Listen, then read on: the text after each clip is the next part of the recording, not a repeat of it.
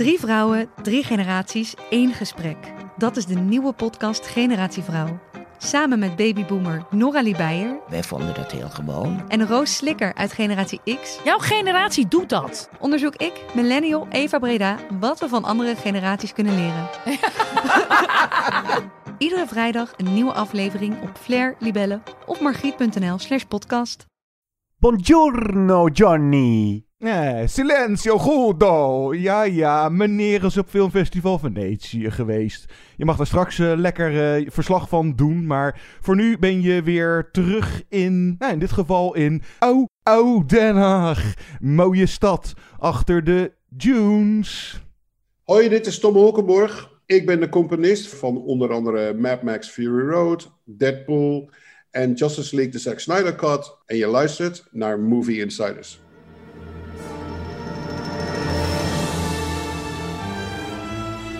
Good evening, ladies and gentlemen.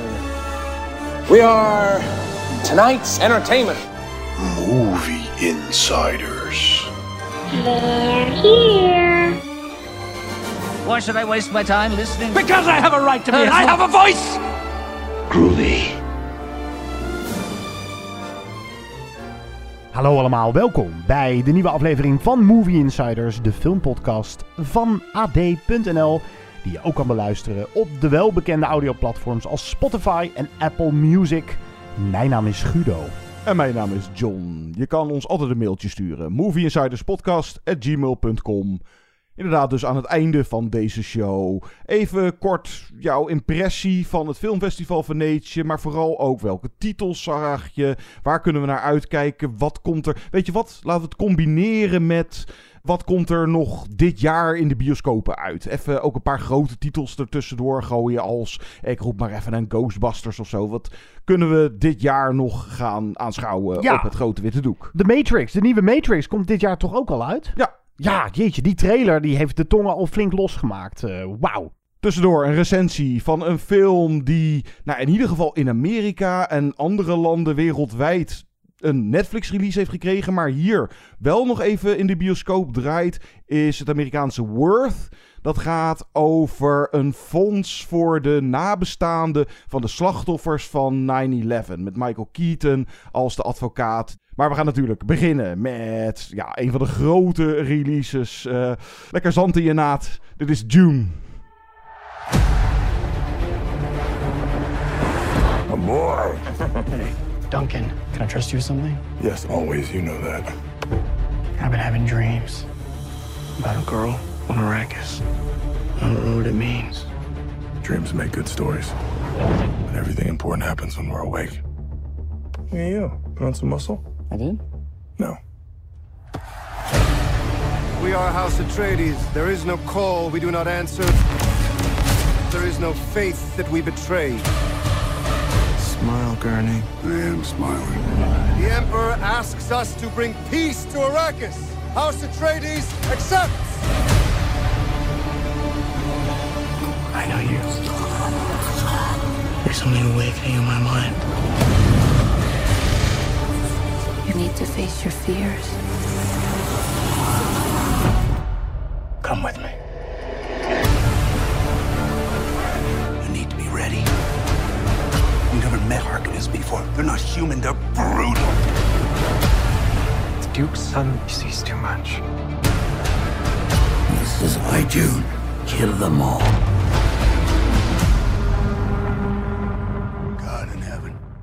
Mogelijk op de nieuwe James Bond, No Time to Die. Later deze maand na is June de blockbuster van het jaar waar de grootste hype omheen bestaat. En dat is begrijpelijk om verschillende redenen. Het is allereerst à la Christopher Nolan's Tenet van vorig jaar kolossaal in schaalgrootte. En de cast is om je vingers bij af te likken met onder meer Timothy Chalamet, Oscar Isaac, Jason Momoa, Javier Bardem. We hebben nog meer Josh Brolin, Rebecca Ferguson en Zendaya. Maar het is denk ik vooral een hypefilm vanwege het bronmateriaal. Regisseur en scenarist Denis Villeneuve van Sicario, Arrival en zijn toelatingsexamen Blade Runner 2049 durfde het aan om de klassieke science fiction roman Dune uit de jaren 60 van Frank Herbert door velen onverfilmbaar geacht, een nieuwe bioscoopbehandeling te geven. Ondanks het floppen van de David Lynch-versie uit de jaren 80. Een lauw ontvangen miniserie, of ik geloof twee miniseries. En de mislukte pogingen van de Chileense arthouse-regisseur Alejandro Jodorowsky om een filmversie te boetseren van dit krankzinnig wijdvertakte verhaal over, ja, over, over planeten, volkeren en adellijke huizen in een machtsstrijd. En dan met als inzet de Spice Melange, een soort levensverlengende en gevaarlijke druk waar de hele kosmos patent op probeert te krijgen. Het mooiste dat June in visuele vorm kreeg was misschien dan de documentaire over het mislukken van die pogingen van Godorowsky, het erg vermakelijke Godorowsky's Dune. Ambitieus, complex, filosofisch en overdonderend, daar ging de moedige Denis Villeneuve voor. Is zijn Dune de film waar de wereld op hoopte? En is zijn werk met een budget van een slordige 165 miljoen dollar ook een film die ons kan bekoren, wij John, die onbekend zijn met dat boek? Ja, inderdaad. Wij hebben beide dat boek of boeken. Uh, het ging gelijk in het appgroepje ook los van. Ja, nee, ik ben nu bij deel. Uh, het zijn er vijf of zo, geloof ik. Nou, het is met mij zo dat ik was wel nog. Uh, ik had het verhaal nog redelijk vers in mijn hoofd zitten. Omdat ik die David Lynch-versie. Nou ja, niet heel recent. Maar nou, een tijdje terug. Voor de zoveelste keer had ik die gezien. Dus ik wist nog wel van. Oké, de Artrades en de Harkonnen. En nou, June. En dat zijn die Fremen. En dan heb je dat personage. En dat personage. En dan gebeurt er ongeveer dit en er gebeurt er ongeveer dat. Toen was het in eerste instantie, de film begon. En is dit een spoiler? Nou nee, volgens mij, uh, iedereen weet dat inmiddels wel. Het is part one. Dus dat was wel direct zo van, oké, we krijgen dus niet het hele verhaal. Maar het is, ja, een onverfilmbaar boek. Uh, hoor je van veel mensen die dat boek dan gelezen hebben. Ja, kan ik niet echt over meepraten dus. Aan de andere kant onverfilmbaar. Nou, ze hebben het nu dus uh, in ieder geval zeker twee, drie uh, keer wel geprobeerd. En is het nu dan wel gelukt? Nou ja, ik wil die versie van David Lynch. Nou ja, dat was een uh, interessante mislukking, was dat. Maar die wil ik ook niet compleet afkraken. Daar komen we zo allicht nog wel even op terug. Maar nou, ik denk dat bij deze versie, waar iedereen het in ieder geval over eens is, is dat het audiovisueel is het verbluffend. Het is echt overdonderend. En uh, momenteel zeker ook de film waarbij je moet melden: kijk dit in IMAX of Dolby. Of in ieder geval in de bioscoop. Uh, een zo groot mogelijk ja. doek. En het is hier in Nederland dan geloof ik ook niet de situatie. Sowieso zijn we er veel eerder bij dan Amerika, waar die over een dikke maand pas uitkomt.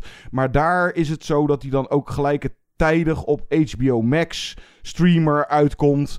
En ja, dat is in ieder geval zeker voor de eerste keer is het gewoon zonde om dit op een tv-scherm. Dit moet je zo groot mogelijk zien. En uh, ik zag hem dan in uh, Dolby. Nou, het was ook echt zo ik had geen 4DX nodig, want de zaal die trilde soms letterlijk van het dat zeg maar, het geluid en de score van Hans Zimmer, die soms wel erg aanwezig is. Maar nou, kijk, dat de film de technische Oscars mag gaan binnenharken volgend jaar, dat is absoluut terecht. de visuele effecten, maar ook de production design, dus de sets en de kostuums. Ondanks dat er weinig kleur in zit. Het is allemaal wat, wat dof en een beetje nou ja, zandkleurig. Of, ja, en in dat opzicht, sowieso moeten we misschien een aantal keer Star Wars uh, raakvlakken of juist niet met elkaar. Maar dit is geen Star Wars. Dat was het nooit echt. Maar bijvoorbeeld inderdaad ook met kleur. Met Star Wars heb je bijvoorbeeld alleen al die lightsabers uh, met uh, fel rood of fel groen. En dat zijn kleuren die hier ontbreken. En ja, sowieso kom je denk ik uit op dat dit een ander soort space opera is. Ja, een space opera dat nogal wat op de agenda heeft staan. Ik heb Denis Villeneuve nog even mogen spreken per Zoom.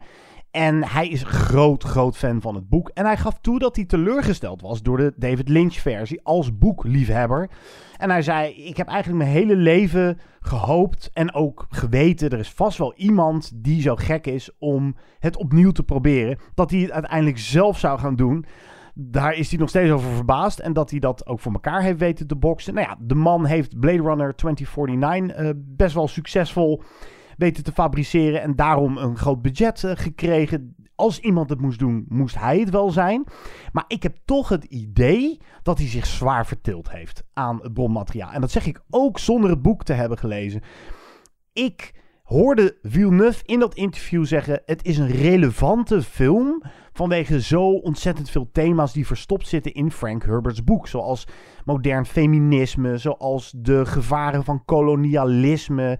Nou ja, over uh, de inmenging van politiek en religie, dat dat moeilijk samengaat. En dat dat, uh, nou, dat is duidelijk een onderwerp ook in het boek en in de film. Ja, als je het wil zien, haal je, je het er absoluut ja, uit. Je kan het eruit filteren. Moet je even zo'n uh, zo schepje en dan het zand. En het dan, zand een beetje ja. weg, ja, precies. En een beetje, beetje water erbij ook, misschien, zodat het allemaal wat overzichtelijk wordt. Je moet trouwens uitkijken, want er zitten, leven hele grote wormen onder dat zand. Dus dat vond ik nog wel een van de aardige dingen. Ik weet niet meer of dat ook in de David Lynch film zat. Dat je je ook op een bepaalde manier over dat zand moet bewegen. Dat, nee. La nee. de wormen, ja. omdat die wormen anders hap doen. En ja. dan ben je weg. Maar wat ik wil zeggen is, en dat vond ik echt teleurstellend. En dat zeg ik met alle bewondering voor Denis Villeneuve, die de kloten had om dit te gaan verfilmen.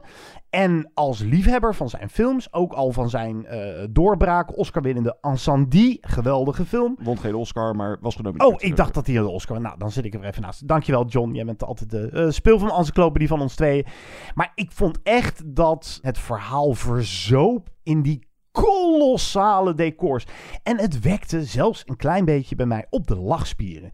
Ik dacht op een gegeven moment... Ja, Meer maar... dan die versie van Lynch? Want daar kon je soms ook nog wel als een, als een soort van zwarte comedy naar kijken ja, of zo. Maar dat, dat, kan hier niet. Nee, en dat is mijn is tweede probleem. Zo serieus. Het is zo serieus, zo dramatisch en humorloos. Er zitten één of twee piepkleine grapjes in. En die voelen dan direct misplaatst. Het is alsof Denis Villeneuve even in het script nog iets van luchtigheid probeerde te verwerken. Maar het is zo dramatisch. En ik ben ook niet naar huis gegaan of naar mijn appartement op Venetië gegaan met uh, al die mooie vraagstukken die waarschijnlijk in dat boek zitten en in Villeneuve's hoofd zitten. Dat is niet voor mij het overblijfsel van June. Als ik nu terugdenk aan die film, ik zie alleen maar hele kleine miniatuurpoppetjes in enorme decors rondwandelen. En ik gaf weinig tot niks om de personages. Die motivaties die komen moeizaam uit de verf. Ik vond het zelfs een klein beetje saai. Uh, en dat zeg ja. ik echt nogmaals met pijn in mijn hart. Want het is natuurlijk gaaf. De intelligente blockbuster. Je hebt ze zo eens in de zoveel tijd. Christopher Nolan heeft er een beetje een patent op. Maar nou, je kan het misschien ook zeggen van The Matrix uit de jaren negentig was zo'n film. Maar hier, het, het is uiteindelijk toch... Je, moet je wel vertellen aan dit bronmateriaal, dacht ik. En om nog even antwoord te geven op mijn eigen vraag. Ik had eigenlijk wel een begrippenlijst op mijn schoot willen hebben. En af en toe de film op pauze willen zetten. Dus misschien moet je hem wel op HBO Max kijken als, als je een Amerikaan bent. Want hier hebben we dat nog niet, HBO Max. Die streamingdienst komt ongetwijfeld. Maar even op pauze zetten van waar hebben ze het ook weer over? Wie bedoelen ze hier ook weer? Wordt af en toe wel eens oh. uitgelegd. Dat, uh, ja. ja Zo'n uitlegdialoog zit er wel eens een keertje in. Maar ja, het, ik vond het gewoon eigenlijk niet zo werken. Ik, ik kwam er maar niet in. Mm. En ik wil natuurlijk gewoon gepakt worden door dat Shakespeareaanse verhaal, wat het blijkbaar moet zijn. Ja, nee, dat had ik dus inderdaad ook niet. Ik loop ook inderdaad de bioscoopzaal uit met uh, ja, die beelden en trillende trommelvliezen. Maar, uh, en qua plot is het iets meer Game of Thrones-achtig, zou je kunnen zeggen. Als je het nou, zou vergelijken bijvoorbeeld met andere Star Wars. Maar hè, met die verschillende huizen, het politieke machtsspel wat er gespeeld wordt. Je hebt de keizer en nou ja, dan die Atreides worden naar Dune gestuurd. Waar eerst de Harkonnen en die komen later weer aanvallen. En nou ja, Dune is het strijdtoneel tussen tussen verschillende huizen. En dan heb je dingen als fascisme en uh, onderdrukking en die Fremen met het religieuze aspect. Want nou ja, je zou het misschien wel eruit kunnen halen dat nou, het zijn eigenlijk een soort moslims die daar op June. Oh, dat is trouwens ook nog wel aardig. Daar werd ook een vraag over gesteld in die persconferentie per Zoom, dus met Villeneuve dat het woord jihad schijnt uh, ook te vallen in de boeken. Mm. Maar daar heeft het niet het, um, uh, de klank die, of de associatie die we er nu mee hebben. Want dan denken we gelijk aan fundamentalisme en aan moslim-extremisme. Maar dat is daar niet aan de orde. Dus Villeneuve ja, wilde zich niet vertillen aan dat soort woorden. Maar het, ja, het zit er natuurlijk, het Ja, zit er allemaal nee, wel al in. die thematiek, maar dat zal je uiteraard in boekvorm kan je dat gewoon veel beter uitwerken. Hoewel hier, nou, hij heeft de tijd, eh 2,5 uur, en er wordt hier duidelijk aan wat ze dan worldbuilding eh, noemen. Maar dit voelt toch ook vaak een beetje nog als een intro. Het is dus part 1. En karakters of karakterontwikkeling. eh, Wat ik zeg, ja, je hebt de tijd. En, maar dat is dan bijkomend nadeel misschien weer dat je hier een hele hoop. Inderdaad, misschien sommige saaie of eendimensionale personages in rond hebt lopen. En sommige acteurs eigenlijk gewoon weinig of niks te doen hebben. Zo'n Dave Bautista, die zat dan ook in Blade Runner 2049. Of nou, hoe Daar werkte het wel. uit eh, Guardians of the Galaxy. Ja, eh, volgens mij was hij een dag op de set aanwezig. Maar ook zo Zendaya. Ja, ze is heel vaak in de dromen van Paul aanwezig. Maar verder, ze is pas aan het einde van de film. Gabriel Bardem is ook een van de figuur. Zelfs Josh Brolin heeft niet zo heel erg veel te doen. Kijk, als je dan naar de hoofd karakters kijkt. Timothy Chalamet als Paul Atreides. Het is ook een beetje een soort van zijn coming-of-age eh, verhaal. Sommigen zien in hem een messias of the one. The one. Eh, en dan heb je Rebecca Ferguson en Oscar Isaac als zijn ouders. En nou, sowieso de drie hoofdrolspelers, de acteurs, die zijn goed. Daar ligt het niet aan. Maar het script en de dialogen en misschien ook wel de acteursregie van Denis Villeneuve zorgt ervoor dat zij ook alle drie niet zo lekker... Hoewel ik eh, Re- Rebecca als Lady Jessica, dat is dan nog wel de werkte, sterkste. die werkte Ja. goed. Nou ja, Weet je, nog even één personage aanhouden. Eh, Jason Momoa, ofwel Aquaman, die dan de stoere strijder Duncan Idaho. En daar had ik echt een beetje het idee van alsof hij in een andere film rondloopt.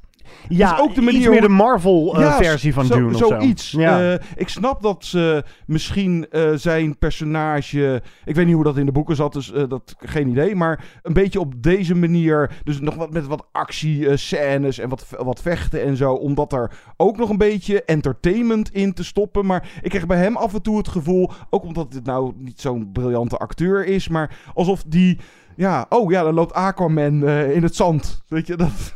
Ja, en de dialogen, eh, dat noemde je net al even, die zijn zo ook potsierlijk en bombastisch. En kijk, dat Denis Villeneuve, die kan het wel. Hij heeft bij Blade Runner 2049 bewezen dat je best wel een compact, mooi, filosofisch plot kan hebben met aardige dialogen en goede acteerprestaties in een kolossaal decor. Hij kan het dus.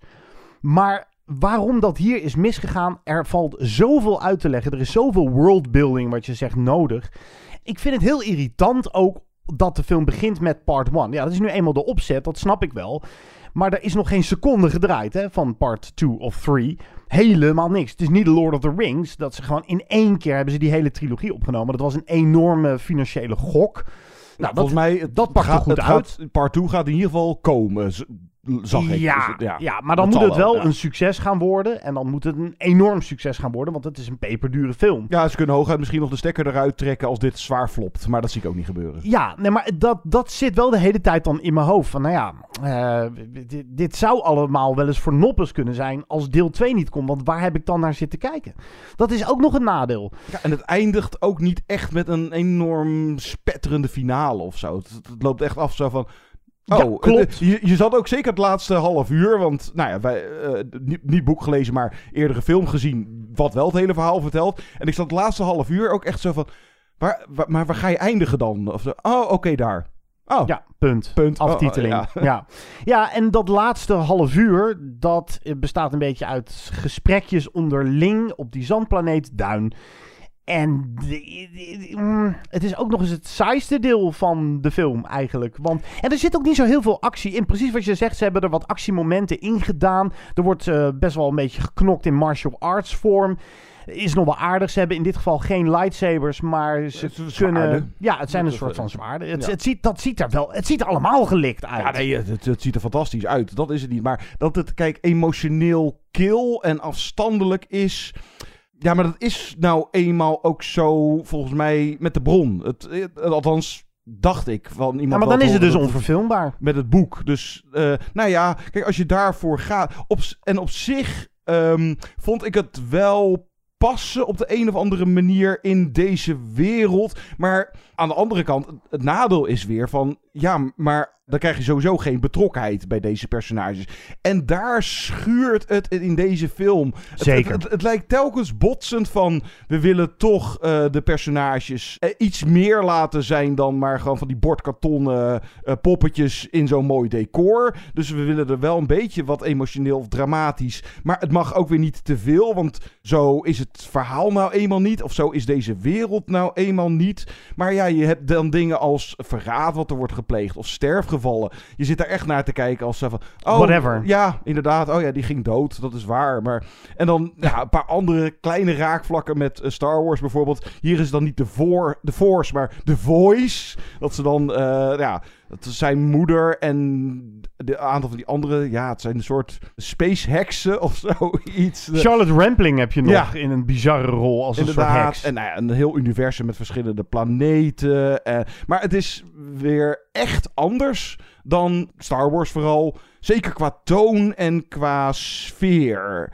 En visueel ziet het er ook inderdaad wat anders uit. Het is ja, episch op een andere manier. Ja, het is absoluut wel... Het is indrukwekkend, maar het heeft geen blijvende indruk of zo. En ik vind het ook weer zo lullig om dan te zeggen van... Ja, er moet emotionele betrokkenheid bij zitten. Of kijk, je kan ook denken van sci-fi à la, nou ja, 2001. Of eh, dit had misschien... Misschien dat die voor nog abstracter moeten gaan. Of nog meer arthouse. Ja, of, dan was het echt een kunstfilm ja, geworden. minder entertainment. Maar het wil, het wil ook een blockbuster zijn. En het wil ook Shakespeareaans drama zijn. Ja. En het wil ook gevechtscènes hebben. Het wil het allemaal. Ja, en eh, ik weet niet, eh, deze schoot me dan even te binnen, maar dat had misschien inderdaad dan ook weer, ja, weet ik niet of dat had gewerkt, maar het is bijna een soort van Green Knight-achtige aanpak van dit materiaal. Dus echt inderdaad vol arthouse. Dit is, ja, het is bombastisch, zeker, maar het is ja, niet zozeer leuk bombastisch. Het is, niet ver- het is niet vermakelijk bombastisch. En het is ook niet dat je nagelbijtend op je stoel zit van... Oeh, wat gaat er nou gebeuren? Ik ben zo benieuwd wat we, wat we nu gaan zien. Je hebt ook heel... Je voelt gewoon de struggle die er is met het bronmateriaal. En Villeneuve is... Het is eigenlijk misschien ook wel niet goed dat Denis Villeneuve zo'n fan is van het boek. Dat is een discussie die je ook nog kan voeren. Is het misschien niet beter om als groentje aan deze film te beginnen... en dat je dan dus niet ehm, mee laat wegen wat jou als kind al zo greep uit dat boek. Want dat moet er dan in. Want dat, dat is de reden waarom jij zo verliefd werd op dat boek. Maar ja, daar ga je ook mensen mee lastigvallen die het boek niet gelezen hebben. En die misschien de boel ophouden. En als je iemand die er met frisse ogen naar kijkt, naar het bronmateriaal, eh, op loslaat. Kan die misschien veel beter het Kill Your Darlings principe toepassen en er een soepele narratief van maken. Dit is geen soepel, soepel verteld verhaal. Nee, het verloopt heel stroef. En het, het voelt toch ook een beetje als een, een, een film dat bestaat uit verschillende hoofdstukjes. En het is slordig en het heeft tempo-wisselingen van heb ik jou daar. Het is dan weer heel snel en dan zijn we ineens weer daar. En dan zijn er weer flash-forwards en dromen. En ja, de cast is wel prima. Maar ja, nogmaals, het, zijn, het blijven figuren die vooral het niet het gevecht aangaan met elkaar in de plot, maar het gevecht aangaan met de visuele bombast. En Hans Zimmer gooit er nog 50.000 scheppen bovenop. Die muziek is, nou ja, het is bijna een parodie op een Hans Zimmer score, Mm. zat ik te bedenken. Het is, het is wel lekker en het is ook wel gaaf. Ja, ik vond het is, het is, het is een gave score, maar het is wel... Ja, ik moest er gewoon dus om lachen. En het duurde 2,5 uur. En dan aan het einde van de film heb je eigenlijk nog niks gezien. Want dan moet deel 2 en deel 3 nog komen. En ja, jeetje mina. Eh, Is dat boek dan zo geliefd en zo bekend? Want ik denk dat dit geld ook is gegeven. Niet omdat eh, dit een Lord of the Rings-achtig eh, boek is. Ik, ik- volgens mij is het best nog wel redelijk niche. En eh, voor de nerdcultuur. Hè, Dune van, van Frank Herbert. Ja, het is wel, het Dus wel moet, bekend, maar ja. ja. maar dus Warner moet, de, Warner is de distributeur, de, de studio die erachter zit, die moet toch ook hebben gezegd, ja, het moet ook wel een beetje een lekkere blockbuster zijn voor mensen die niet bekend zijn met het bommateriaal. En, die, worden, die worden wel een beetje in de kou gezet hier. Ja, ja nee, dat, dat is het zeker niet. En trouwens, nog even waar je het net over had van... Dat je dan ervoor moet kiezen om. Nou, dat viel mij dan bijvoorbeeld eh, op dat een personage. wat dan in het boek of in die versie van David Lynch zat. gespeeld door Sting. die is afwezig. In Oh, ieder ja. geval in dit deel. Maar ik zat dus ook van, ja, maar dan had je Dave Bautista er ook wel uit kunnen gooien. Want die twee zinnen die hij uitspreekt, dan laat het een keer zijn kop zien. Ja, snoei die dan ook weg. Maar nog even die David Lynch versie uit 1984, wat ik dus al eerder zei, een interessante mislukking. Maar wat ik bij die altijd nog wel heb, maar dat komt gewoon door David Lynch. Het, die film heeft iets mystieks. Iets aparts. En iets geschifts. Het heeft Iets een geschifts. zo'n, het heeft zo'n uniek eigen karakter. Ja, en dat heb je hier niet of onvoldoende. En dat, dat hadden we waarschijnlijk al helemaal gekregen als die Godorowski zijn versie eh, rondgekregen had. die had ik dan liever willen Ja, zien. eh, en, en misschien moet je inderdaad concluderen dat het ja, onverfilmbaar is. Of ja, eh, die versie van Lynch werkte niet. Dit werkt ook weer niet helemaal. Kijk, je wordt wel even 2,5 uur lang getransporteerd naar een andere wereld. Waar het nogal saai is. Dat is een beetje. Het is een audiovisuele belevenis. Die stroef verloopt. De lengte zit je af en toe eh, tegen. Ik had er ook gewoon op sommige momenten wel inderdaad wat moeite mee. Ondanks dat ik vaak wel bijna met een open bek zat van... Wauw, dit, dit, dit is echt iets... Dit, dit moet je ook gewoon alleen maar op een groot scherm zien. En ja, een film waar je de rare conclusie bij kan hebben... Er gebeurt te veel en of te weinig. Het is, het is maar net... Ja, je, hij had één van de twee kanten misschien beter op kunnen gaan. Dus inderdaad, voor puur het abstracte... of meer op entertainment moeten inzetten, want...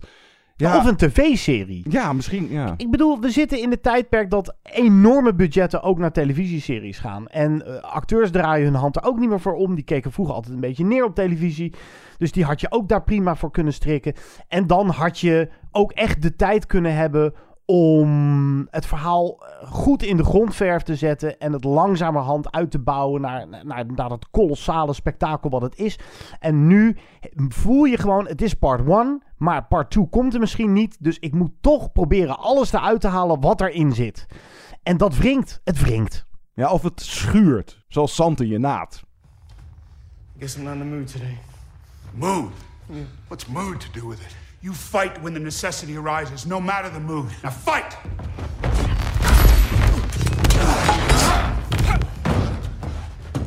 Come on!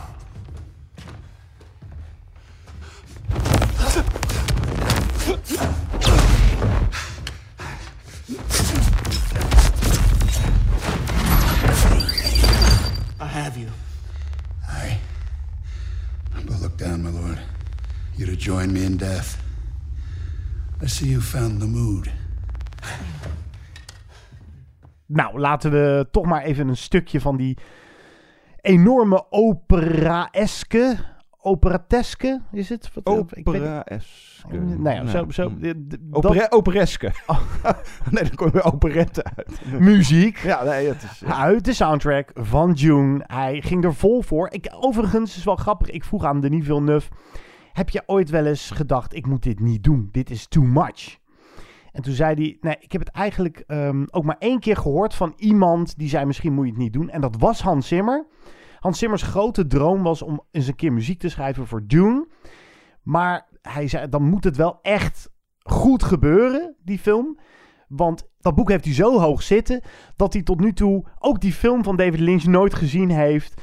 Hij heeft ook die documentaire niet gezien. Hij heeft die miniseries niet gezien. Hij wil een Dune-maagd blijven. Dat geeft aan wat een toch een enorme reputatie dat boek dan blijkbaar toch heeft.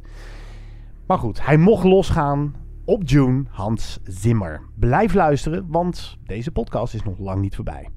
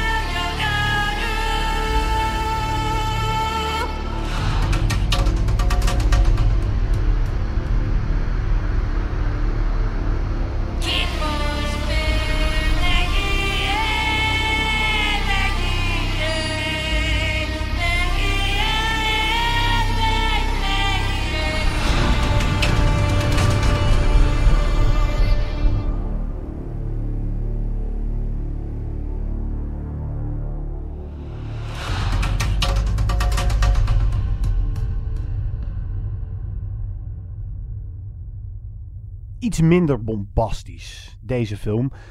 Maar wel een over een groot onderwerp, namelijk 9-11. Michael Keaton speelt de hoofdrol in Worth. The shock from the attacks in New York and D.C. reverberate across the entire nation. What we're facing is a national emergency. We are proposing the Treasury fund offering compensation to the victims. Ken, we'll have to negotiate all settlements. The victims and their families will be compensated based on economic value lost. That's where the formula comes in. 80%. Any fewer come aboard, the lawsuits that result could crater the economy. Why isn't it equal payment for everybody? My daughter's worth just as much as anybody in a corner office. My wife died that day, and everything about this formula offends me. Sorry to hear that. But we can't bend the rules for every case. Why not? Congress gives you broad discretion. But when 7,000 citizens ask you not to be treated like some numbers on a spreadsheet, you act like that law came down from Sinai.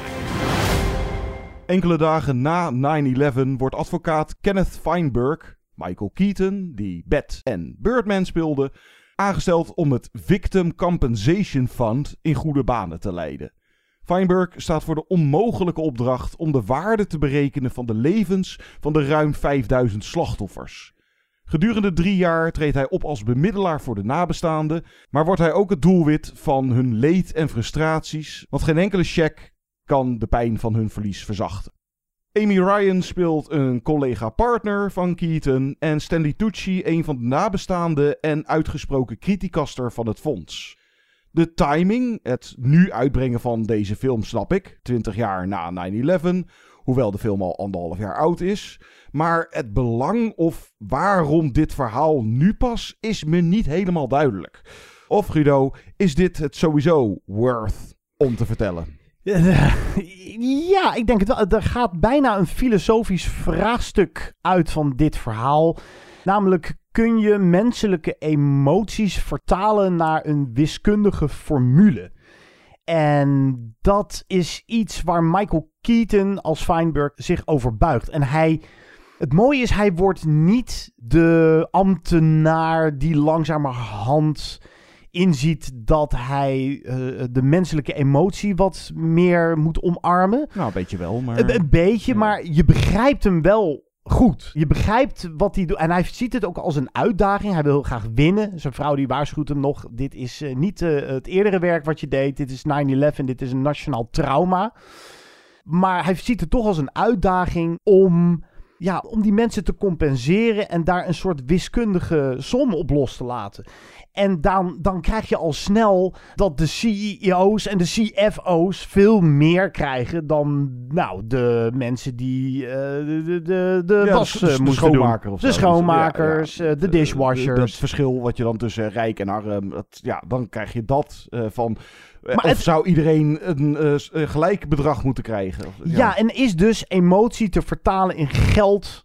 En levert dat ook een bevredigende situatie überhaupt op? Ik moest een beetje denken aan. In dat opzicht is het filosofische vraagstuk een beetje vergelijkbaar met de Sweet Hereafter. Weet je, die gaat over een busongeluk. Alle kinderen die daar in die schoolbus aanwezig waren, zijn allemaal overleden. En dat eh, dorp moet dan met een trauma omgaan. Dan komt er een advocaat. En die advocaat die gaat ook vechten voor compensatie. En dan moet er een zondebok worden aangewezen. Of het moet in ieder geval worden vertaald in een bedrag dat dan op je rekening komt te staan. Want ja, dat is hoe wij ook met trauma omgaan. Daar, daar moet leed worden gecompenseerd. En dat vind ik een, een heel interessant vraagstuk. En het mooie van Worth is, wat ik al zei, dat Michael Keaton denkt er absoluut niet te naïef over. Of hij, hij kijkt niet op deze mensen neer, maar hij komt wel...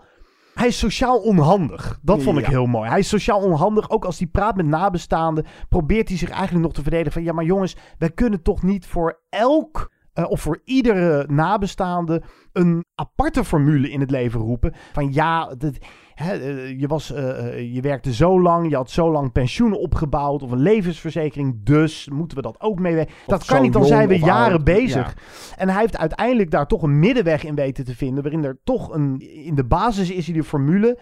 Maar dan. Ja, de menselijke maat gaat uiteindelijk toch een rol spelen omdat hij individuele verhalen tegenkomt die hem op andere gedachten brengen. En dat is het mooie van deze film. In het begin denk je, oei, vind ik dit wel een interessant verhaal. Maar er zitten hartverscheurende Ja, maar dat, verhalen over dat- ja. van nabestaanden Ja, in. ik denk dat het vanzelfsprekend aangrijpend is vanwege het onderwerp. De- ja, maar ook dat- dingen ja. waar je niet aan denkt. Want hoe zit het bijvoorbeeld met een, een homoseksueel eh, koppel? En hoe zit het met, dat vond ik een van de meest aangrijpende eh, plotlijntjes, is eh, er moet ook gecompenseerd worden. Een vrouw die helemaal in zak as is, haar man is overleden en haar moet worden verteld dat die man al die tijd verborgen heeft gehouden dat hij nog twee andere kinderen had bij een andere vrouw. Dat soort dingen ja, dat vond ik, eh, vond ik uitermate boeiend. En het is een film die echt... Dit is zo'n type film... Als die was gemaakt door een andere regisseur... dan had je zo'n hele sentimentele draak gehad... met aanzwellende violen. En dat wordt deze film nooit. Het, het deed me bijna denken aan Spotlight. Ja, het dat is ik ook. onderkoeld. Het is eh, een, bijna een procedural movie... maar met genoeg emotie om het echt... ehm, ja, te laten leven. Ik vind dit wel een film die onterecht een beetje nou, in het zand is gevallen. Mm, ja, nou, ik ben er niet zo nou wild van. Of, het is in ieder geval, inderdaad, het gegeven is sowieso interessant. Van wat is de waarde van een mens? En nou, dat al die verschillende aspecten daarbij komen kijken. En ik zat met deze, ja, het stipt het wel zeker aan. Maar het ging mij dan misschien filosofisch net niet genoeg de diepte in. hoewel het dan hmm. misschien weer een, ja, te moeilijke film zou worden. Maar het was met deze, ik vond hem, nou ja, misschien net niet interessant of goed genoeg om eh, erbij te zeggen: dit moet je gaan zien. Wat ik dus zeg, het is ja, sowieso eh, natuurlijk aangrijpend. Hij is ook redelijk serieus. En ik vond het, eh, daar sluit ik me wel bij aan. Fijn dat hij, hij gaat bijna niet op de sentimentele tour. Het blijft redelijk onderkoeld. Het, nou ja, spannende elementje eraan. Als spannend altijd het goede woord is. Maar ze moeten een bepaald percentage halen van. Ja, dat is de- de- de nabestaanden. spanningsboog, ja. En nou, dan zit er wel zo'n. Ja, toch, we hebben het gehaald. Einde aan. Dat vond ik dan niet helemaal matchen met de rest eh, van de film. Maar die Feinberg is een ja, interessant personage. Waar misschien ook net iets meer focus op zijn karakter had kunnen liggen. Maar ja, dan, dan krijg je weer onvoldoende eh, nadruk op het. want hij, nou ja, is dus. Nou, bad guy is niet het hele goede woord. Maar Nee. zo wordt hij door veel van die nabestaanden wel eh, gezien natuurlijk. Maar hij heeft gewoon die onmogelijke taak. En daarnaast is hij van zichzelf, nee, je zou kunnen zeggen, een beetje een coole kikker. Of hij is in ieder geval Juist. rationeel. En Ja, maar hij, moet ook wel, Ja. want dat is zijn werk. Hij moet niet vanuit emotie denken, of hij mag niet vanuit emotie denken, maar vanuit ratio. Ja. En dat botst als het gaat om iets zo groots als 9-11. En dan heb je aan Michael, ik zou Michael Keaton ook hebben gecast, eh, als ik deze film zou hebben gemaakt. Er gebeurt altijd zoveel in dat gezicht van Michael Keaton, die hier nooit hardop zijn gevoelens allemaal uitspreekt. Je leest het van zijn gezicht af, de frustratie, de vertwijfeling. Moet ik misschien toch, toch mijn aanpak aanpassen? ja, het laat hem zeker niet koud. Maar nee. En hij- er is ook respect voor hem. eh, Want zijn Ja, evenknie is dan... ja. maar ook die door Stanley Tucci Oh, ja. gespeelde Charles Wolf. Dat is een nabestaande die al direct eigenlijk een soort eh, een, een eigen clubje opricht van mensen die fel tegen dit systeem ingaan. Dit, dit kan niet. Eh, het is inderdaad te kil en te rationeel bedacht. Die Stanley Tucci, eh, het worden nooit gezworen vijanden of zo. Want ook die Charles Wolf, hij heeft ook begrip voor de situatie waarin Feinberg zit. En Feinberg ook, het, het is ook vice versa. Dus deze film denkt uit- nooit zwart-wit. Nee, ze komen uiteindelijk natuurlijk een beetje. een beetje in het midden uit. Ja. Ja, maar dat is een, een mooie, genuanceerde film die zo makkelijk in hokjes had kunnen denken of in een hooray hooray sentimentele draak kunnen ja, vervallen. Ja, nou zitten er af en toe een paar van dat soort momentjes in. Ook nou ja, hoe hij naar het einde van de film dan inderdaad tot één keer komt van... Ik kan het inderdaad niet die eh, alleen maar als nummertjes zien. Er zijn nou eenmaal afwijkende persoonlijke gevallen. En dat moet in afweging genomen worden. En er zitten ook best wel wat eh, mooie bijpersonages in. Zoals een Indiaas collegaatje van zijn advocatenkantoor. Die dan zou gaan werken bij een advocatenkantoor. Wat in de World Trade Center zat. En ze dus eh, toekomstige collega's. Maar dat zij dan daar in een gebouw vlakbij Ground Zero. En ze kijkt uit het raam. Nou, dat soort. Er zitten mooie scènes in. En de film is, eh, je, zou, je zou kunnen zeggen. Fijn inderdaad dat het niet voor die tearjerker of zo gaat. Maar hij is ook Ik vind hem verfijnd genoeg. Hij is een beetje droog wel gemaakt. Ja, ik hou daar wel van. Ja, eh, ik vind dat wel passen in deze film. Want er zitten, wat ik al zei, ehm, en dat had ik niet verwacht, oh, toch hele mooie, aangrijpende mini-verhaaltjes in verstopt van nabestaanden. Want ze moeten toch al die mensen langs. Het is ook zo kil en rationeel, omdat deze mensen moeten gecompenseerd worden automatisch, zodat ze ook niet gaan suwen.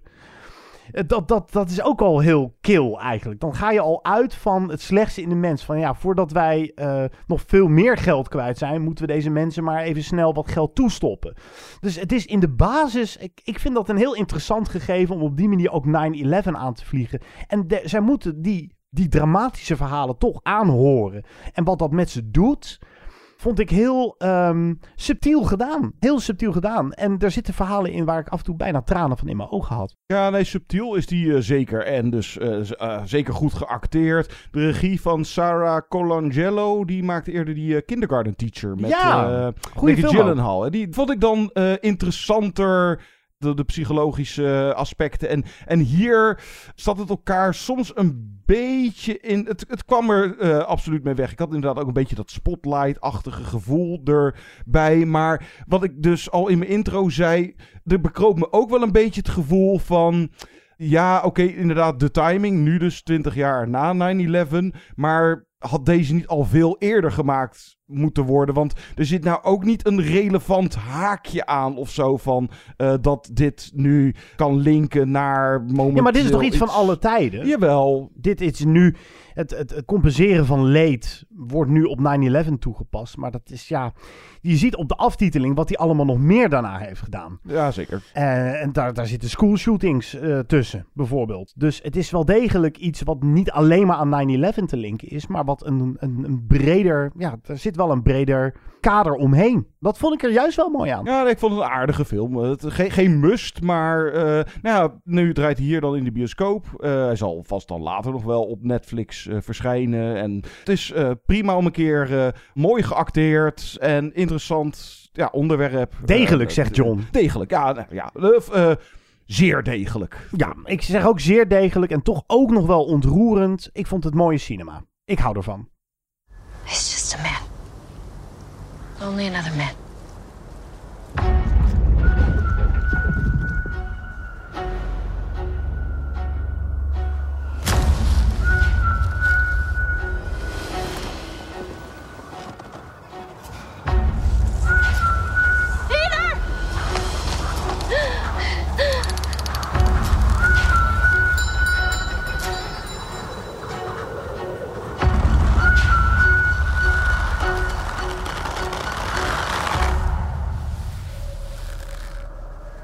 Dat was een stukje trailer van een van de titels die draaide op het afgelopen filmfestival Venetië. The Power of the Dog.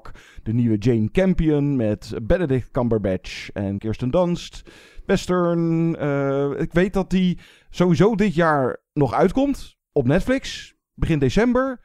Maar of die hier nog een bioscoop-release is me nog niet, duid- is nog niet duidelijk. We daarop houden. Is mij ook niet helemaal duidelijk. Is het er eentje die we dan, eh, ja, die eigenlijk gewoon een bioscoop-release verdient? Ja, zeker. Of in ieder geval Eh, groot scherm, laten we dat zeggen. Absoluut. Het is geschoten in Nieuw-Zeeland, geloof Eh, ik. daar komt Jane daar Campion komt Jane Campion vandaan. Het moet dan wel Amerika voorstellen, maar het, het is echt zo'n zo'n mooie western met een groot canvas. Maar het is ook een moeilijke film en, en een complexe film. En dit was een film à la wat, wat June had moeten zijn. Dat je naar prachtige plaatjes zit te kijken en mooie acteerprestaties, maar waar je uiteindelijk met de filosofische vraagstukken naar huis gaat. En dit is een, zonder al te veel te verklappen, een, een, mooie studie naar masculiniteit en Oeh, ik las her en der al wat spoilers. Hier moet je zo blanco mogelijk ingaan. Want er zitten een paar mega grote verrassingen in de plot. En ik vond het Benedict Cumberbatch mm, zijn mooiste rol misschien wel. Die ik hem tot nu toe... Hij speelt een mega rugged alpha mannetje. Nou, ik moet niet te veel eh, verklappen. Maar het is prachtig dat een film over mannelijkheid en over nou, genderverschillen wordt gemaakt door de ogen, of door de ogen wordt verteld van een vrouw, in dit geval regisseur Jane Campion. En Dat levert iets heel interessants op. Het is mooi broeierig. En Kirsten Dans is uitstekend. Ik vond dit een van de beste films die ik daar zag Oké. Venetië. Ben benieuwd eh, naar awards-seizoen volgend jaar. Of Benedict eh, of Kirsten Dans misschien een keertje. En als we het dan toch over awards hebben. Kristen Stewart als Lady Di, als prinses Diana. Ja, zeker. Oscar eh, kan ze... kan ze alvast... eh, Ja, die, die, die, die speech kan ze alvast gaan voorbereiden. Nou, het mooie van Venetië is dat ik was er nu voor de eerste keer. Voorheen was het altijd, nou ja, eh, Toronto, eh, dat, dat is, er een beetje overlap in. Dat, dat filmfestival komt binnenkort. ja, of tegelijkertijd zo'n beetje... Dat is bezig, geloof ik nu. Ja, misschien Of, of we alweer afgelopen. Ja, en Ja. Tell You Right heb je ook nog. Dat is ook een belangrijk festival. Maar Venetië is tegenwoordig een van de eerste festivals waar de, ook de eerste Oscar-titels eh, aan bod komen. Daar Vorig komt de jaar eerste Nomadland. Oscar-bus. Ja. Nomadland Ja, was vorig jaar de, de winnaar, zelfs van de Gouden Leeuw. En, eh, ja, dus Spencer, die heeft bij deze al de Oscar buzz, eh, in ieder geval voor Kristen Stewart. Het was het eh, heetste ticket wat je kon krijgen. Iedereen ging voor June natuurlijk. Maar June kreeg daarna vrij snel een release natuurlijk. Dat, nou, die film hebben we net besproken. Maar Spencer, zoals de film inderdaad heet, over het leven. Of over dat kerstweekendje wat zij had in een groot landgoed met Prins Charles, waar ze al flink mee gebrouilleerd was. En eh, met haar kinderen. En het is een film van Pablo Larraín, die ook eerder een hele atypische biopic maakte over Jacqueline Kennedy. Jackie met Natalie Portman. En ook deze film is niet je standaard biopic. Er is toch eerder, ik heb hem nooit gezien, want die schijnt vreselijk te zijn. Zo'n eh, Prinses Diana film gemaakt met Naomi Watts. Ja, die is echt Eh, verschrikkelijk, geloof ik. eh, Ja, nee, ik heb hem ook nooit Nee. gezien. Maar dit is heel filmisch. Het is wel, als je echt van de geschiedenisboekjes bent, dan ga je waarschijnlijk constant roepen, ja, maar zo is dat niet gebeurd. De film heeft ook, het heeft iets potsierlijks. Zij ziet de hele tijd de geest van Anne Boleyn, bijvoorbeeld. Dat vond ik een beetje ver gaan, zo nu en dan, want Anne Boleyn was dan, dat is de metafoor, iemand die eeuwen eerder al een beetje werd gekielhaald in het Koningshuis. Daar ook niet eh, kopje paste. kleiner gemaakt, volgens mij. Letterlijk een kopje kleiner. Zij was eh, getrouwd met eh, koning Henry VIII uit Ja. mijn hoofd. Nou, er zijn ook wel films over gemaakt. En zij communiceert met die geest van Anne Boleyn. Maar de film komt ermee weg omdat het zo filmisch prachtig is aangepakt en aangekleed. Met een geweldige score. Ook The Power of the Dog trouwens. Een geweldige score van Johnny Greenwood. Die echt de componist van het jaar is. eh, wat mij betreft. Ook van die Voormalig of nog steeds lid van Radiohead? Radiohead. Ja. Ja, verwacht niet je standaard eh, bak violen hier zo. deed hij toch ook al Jackie? Of, eh, Jackie was Nee, dat van... iemand anders. Van, oh, oh, ik ben haar Mika Levy. Mika Levy, ja, Ja, dat was ook een eh, hele ja. rare score. Maar ik denk dat als je Jackie gezien hebt van Laren, dan zal je waarschijnlijk Spencer een beetje vergelijkbaar. ja, maar eh, deze is wel iets toegankelijker. Oké. Maar iedereen heeft het natuurlijk vooral over Kristen Stewart. En zij is fantastisch. En dat ik ooit nog eens zou roepen over die chick, die, die, die bakvissen eh, chick uit eh, Twilight. Dat ik haar echt een ge- geweldige actrice zou vinden. Maar zij, is, zij heeft zo'n interessante loopbaan inmiddels. Ook een carrière opgebouwd. En dit is haar beste rol tot nu toe. Ze is echt voortreffelijk, mooi breekbaar. Ja, ze heeft echt die charme. En dat is een van de moeilijkste dingen volgens mij. Princess Diana had altijd een charme. Het volk werd betoverd door haar. Ze had iets wat bijna niet te beschrijven valt. En dat moest zij zien te vangen in haar acteerprestatie. Daar is ze glansrijk in geslaagd, wat mij betreft. Oké, we moeten sowieso tot februari volgend jaar wachten voordat we dat kunnen gaan zien. Eh, ik weet eigenlijk even niet wat de andere prijs... eh, heeft zij dan ook actrice gewonnen in Venetië of een Nee, ander? de beste actrice, dat werd ehm, Penelope Cruz. Oké, in Ja. welke van de twee?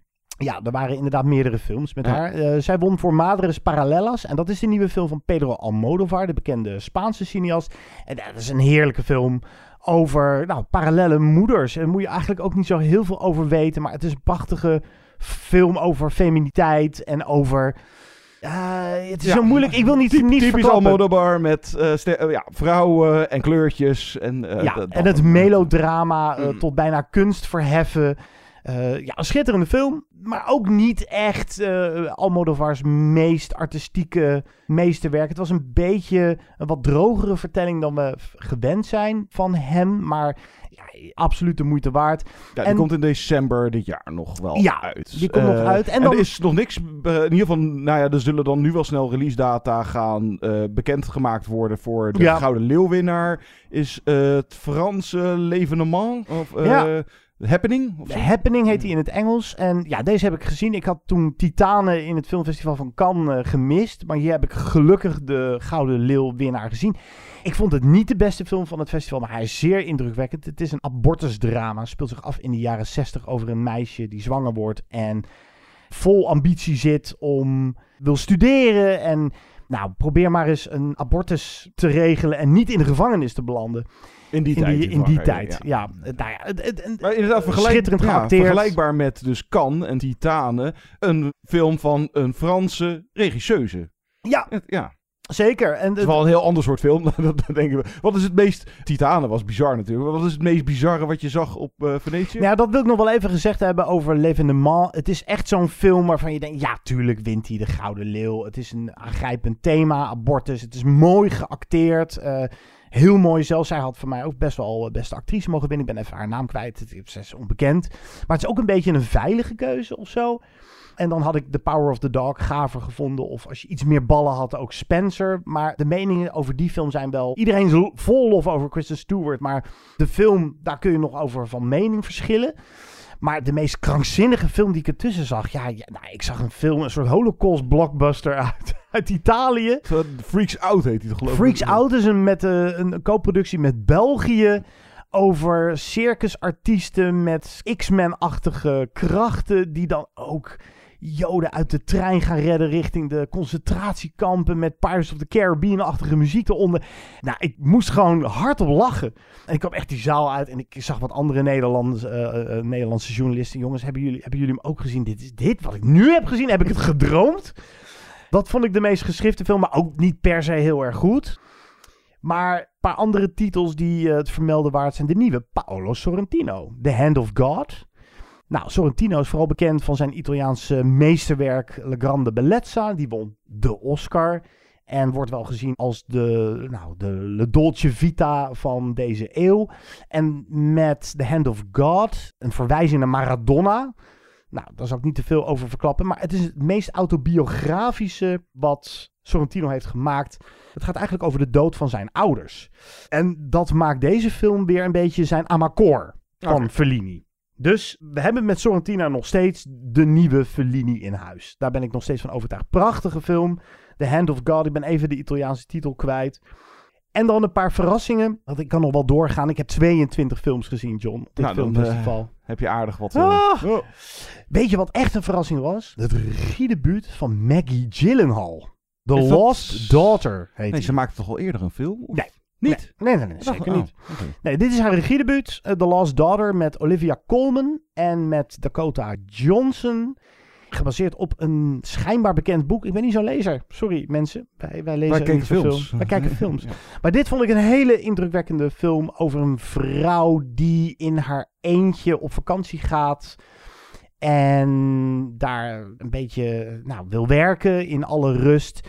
En daar komt ze dan Dakota Johnson tegen en haar dochtertje. En nou, daar, komen allerlei pijnlijke gevoelens van vroeger bovendrijven. Dus op een gegeven moment gaan we ook in flashbacks terug naar haar tijd als een nou, jonge moeder.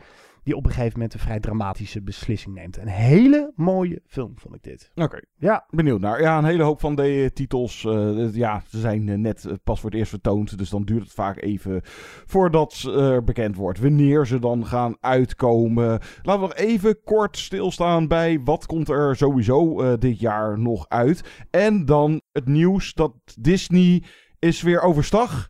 Dat ze films dus nu weer niet eh, direct ook op Disney+. Plus. Eh, het lijkt wel alsof ScarJo eh, de rechtszaak al gewonnen heeft, of dat idee. Ja, Scarlett ze- Johansson uit Black Widow Ja. van Disney, die was boos. Want ja, als Dat ik was niet de bedoeling dat het tegelijkertijd op Disney Plus ja, want dan vang ik geen geld voor de streaming kliks. Ja, ik weet niet of Disney daarmee zozeer zat. Of, maar misschien dat er gewoon zoveel nou, ophef over ontstond. Of dat er zoveel geroepen werd vanuit filmliefhebbers. Ja, doe dat nou niet tegelijkertijd. En eh, doe ze exclusief in de bioscoop. Of druk van de bioscoopketens. dat zou ook nog kunnen. Of, eh, nou ja, ik weet niet precies hoe dat, eh, hoe dat zo tot stand gekomen is. Maar betreft een aantal titels. Ik zal ze nu even niet opsommen. Maar dan zijn ze dus niet tegelijkertijd op je Disney Plus eh, account te, te zien. zien. Nee, nee, nee, tegen nee. meer betaling. De ene keer wel en de andere keer niet.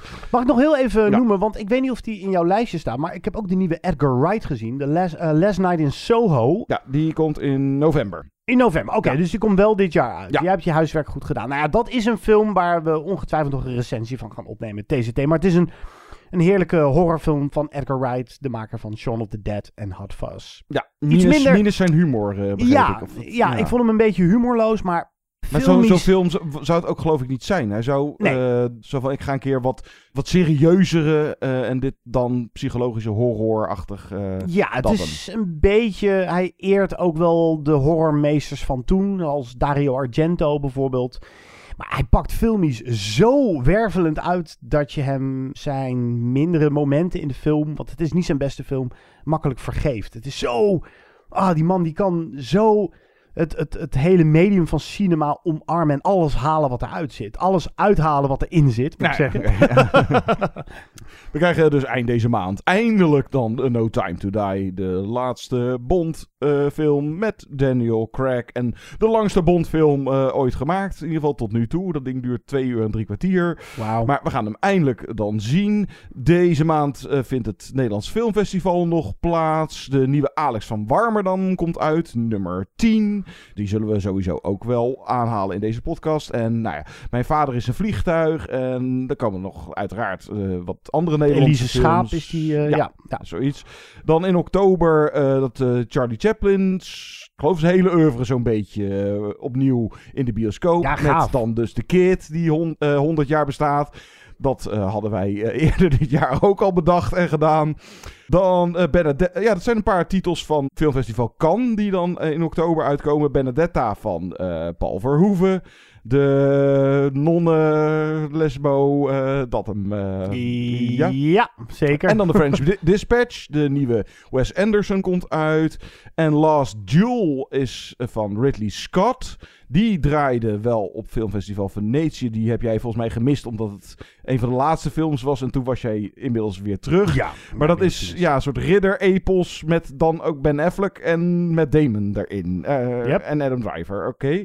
En wat nog in oktober uitkomt is dat Pig met eh Hoe die wil ik zien. Cage. Nicolas Ja. Cage als. Ja, wat. wat, wat Als wat- Nicolas Cage, maar dan wat serieuzer. Omdat hij zijn varken kwijt... Hij is een, een truffelzoeker. En zijn, eh, zijn supervarken wordt gestolen. Of het, nou, zoiets. Eh, En ik kan op, op basis van die trailer nou niet opmaken of het een film is met een ironisch eh, laagje humor. Of dat het heel serieus is. Maar Nicolas Cage wants his pig back. Daar komt het op neer. Dan eh, nou ja, in november eh, is er nog een Marvel, Eternals. Die van Chloe Zhao is trouwens. Eh, ik ben, ja, Chloe. Zhao van Nomadland. Ja, dat Eternals ook aan de hand van de eerste trailers. En zoiets van, oké, nou ja, de zoveelste Marvel. Maar dat het die van Chloe Zhao is. De Oscar-winnende regisseuse inderdaad van Nomadland. En ik ben vooral benieuwd hoe dat uitpakt. Het zou iets heel aparts op kunnen leveren. Of zij is te veel aan de halsband gelegd door Marvel. En Daar ben ik bang voor. Ja, Ja, daar ben ik ook Te veel als marionet gebruikt. Want dat is een filmmaker met een hele eigen stem. En like, geef dan zo iemand ook de ruimte om die stem te laten horen bij. Ook al is het een Marvel-film. Nou ja, Ja, we weten het niet. Eh, eerst, eerst, zien, eerst zien en dan oordelen. Die Ghostbusters Afterlife komt dan eindelijk nog uit. Oh, een tweede film van Ridley Scott. Die is een paar jaar... Heeft hij even niks gedaan. En dan komt hij vrijwel tegelijkertijd met eh, dus The Last Duel en dan House of Gucci. Met Adam Driver zit in beide films. Eh, en Lady Gaga Lady zit. Gaga, eh, ja, ja. dus, eh, over het huis Gucci.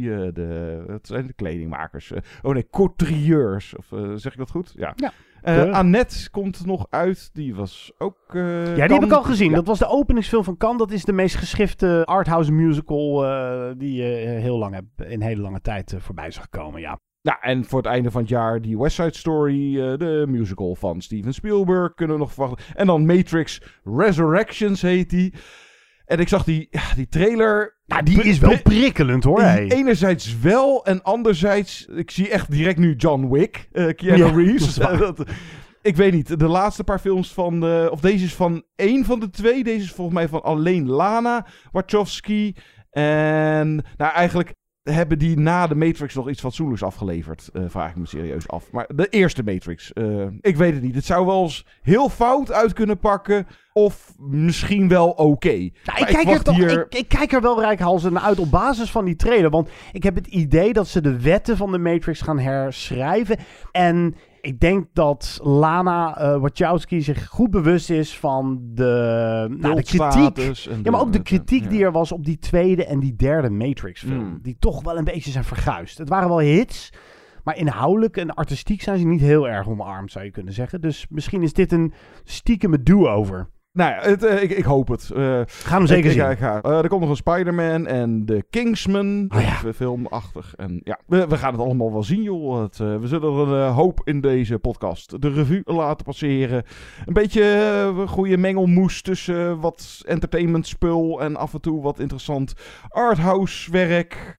We gaan het meemaken, ja. Heb ik, heb nog, ik zal nog even te kijken naar mijn lijstje wat de moeite waard was eh, eh, op het filmfestival van Venetië. Maar een nieuwe film van Paul Schrader, die ik ook heb mogen interviewen. De Card Counter. Ah, dat lijkt me nou typisch zo'n titel die, ja, misschien ah, krijgt hij nog een bioscoop-release of ja, Is die belandt misschien rechtstreeks op een streamer. Was dat met zijn eh, geweldige vorige film First Reformed met Ethan Hawke? Ja, die vond ik beter hoor, maar het is wel echt een goede film. de Card maar dat was volgens mij ook zo eentje dat nou, bijna iedereen was er eh, laaiend over. Zo, wauw, First Reformed. Maar ik geloof niet dat hij hier nou eh bioscoopdoeken gezien heeft. Of, Ja, we zitten in een raar tijdperk ook, John. Met die streamers en je hebt zoveel...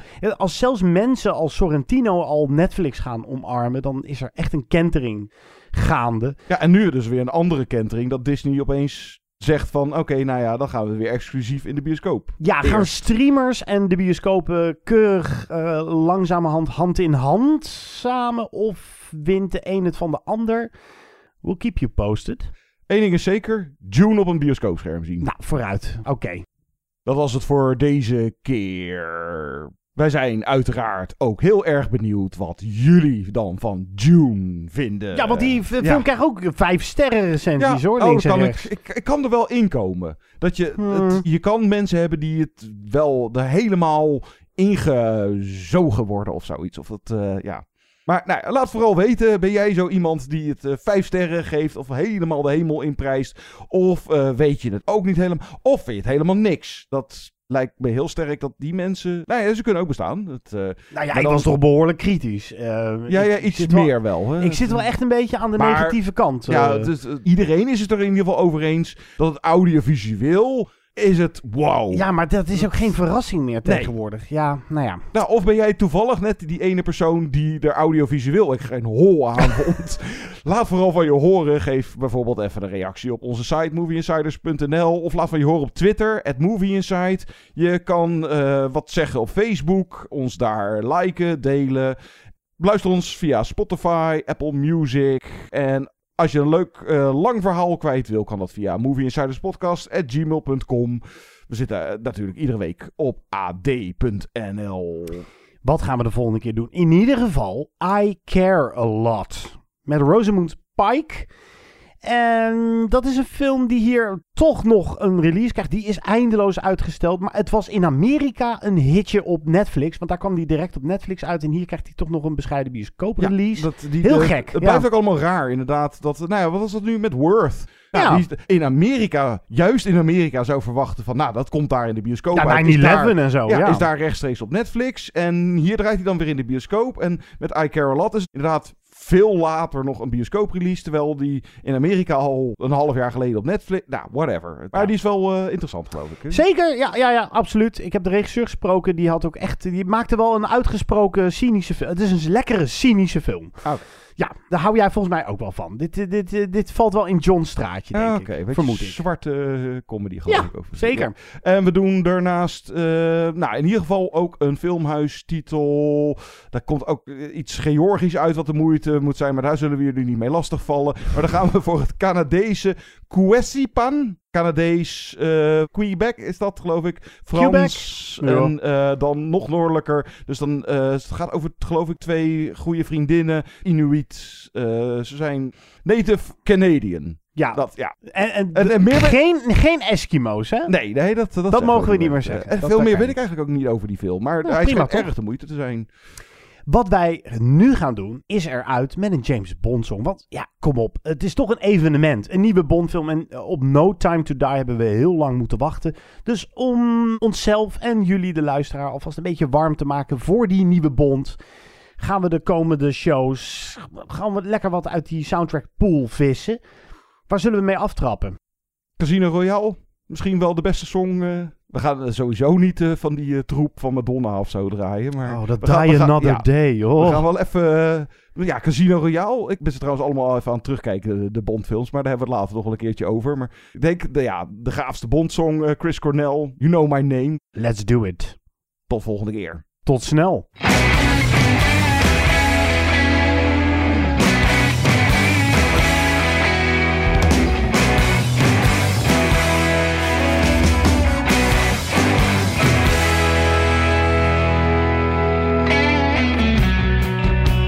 You take life, do you know what you give?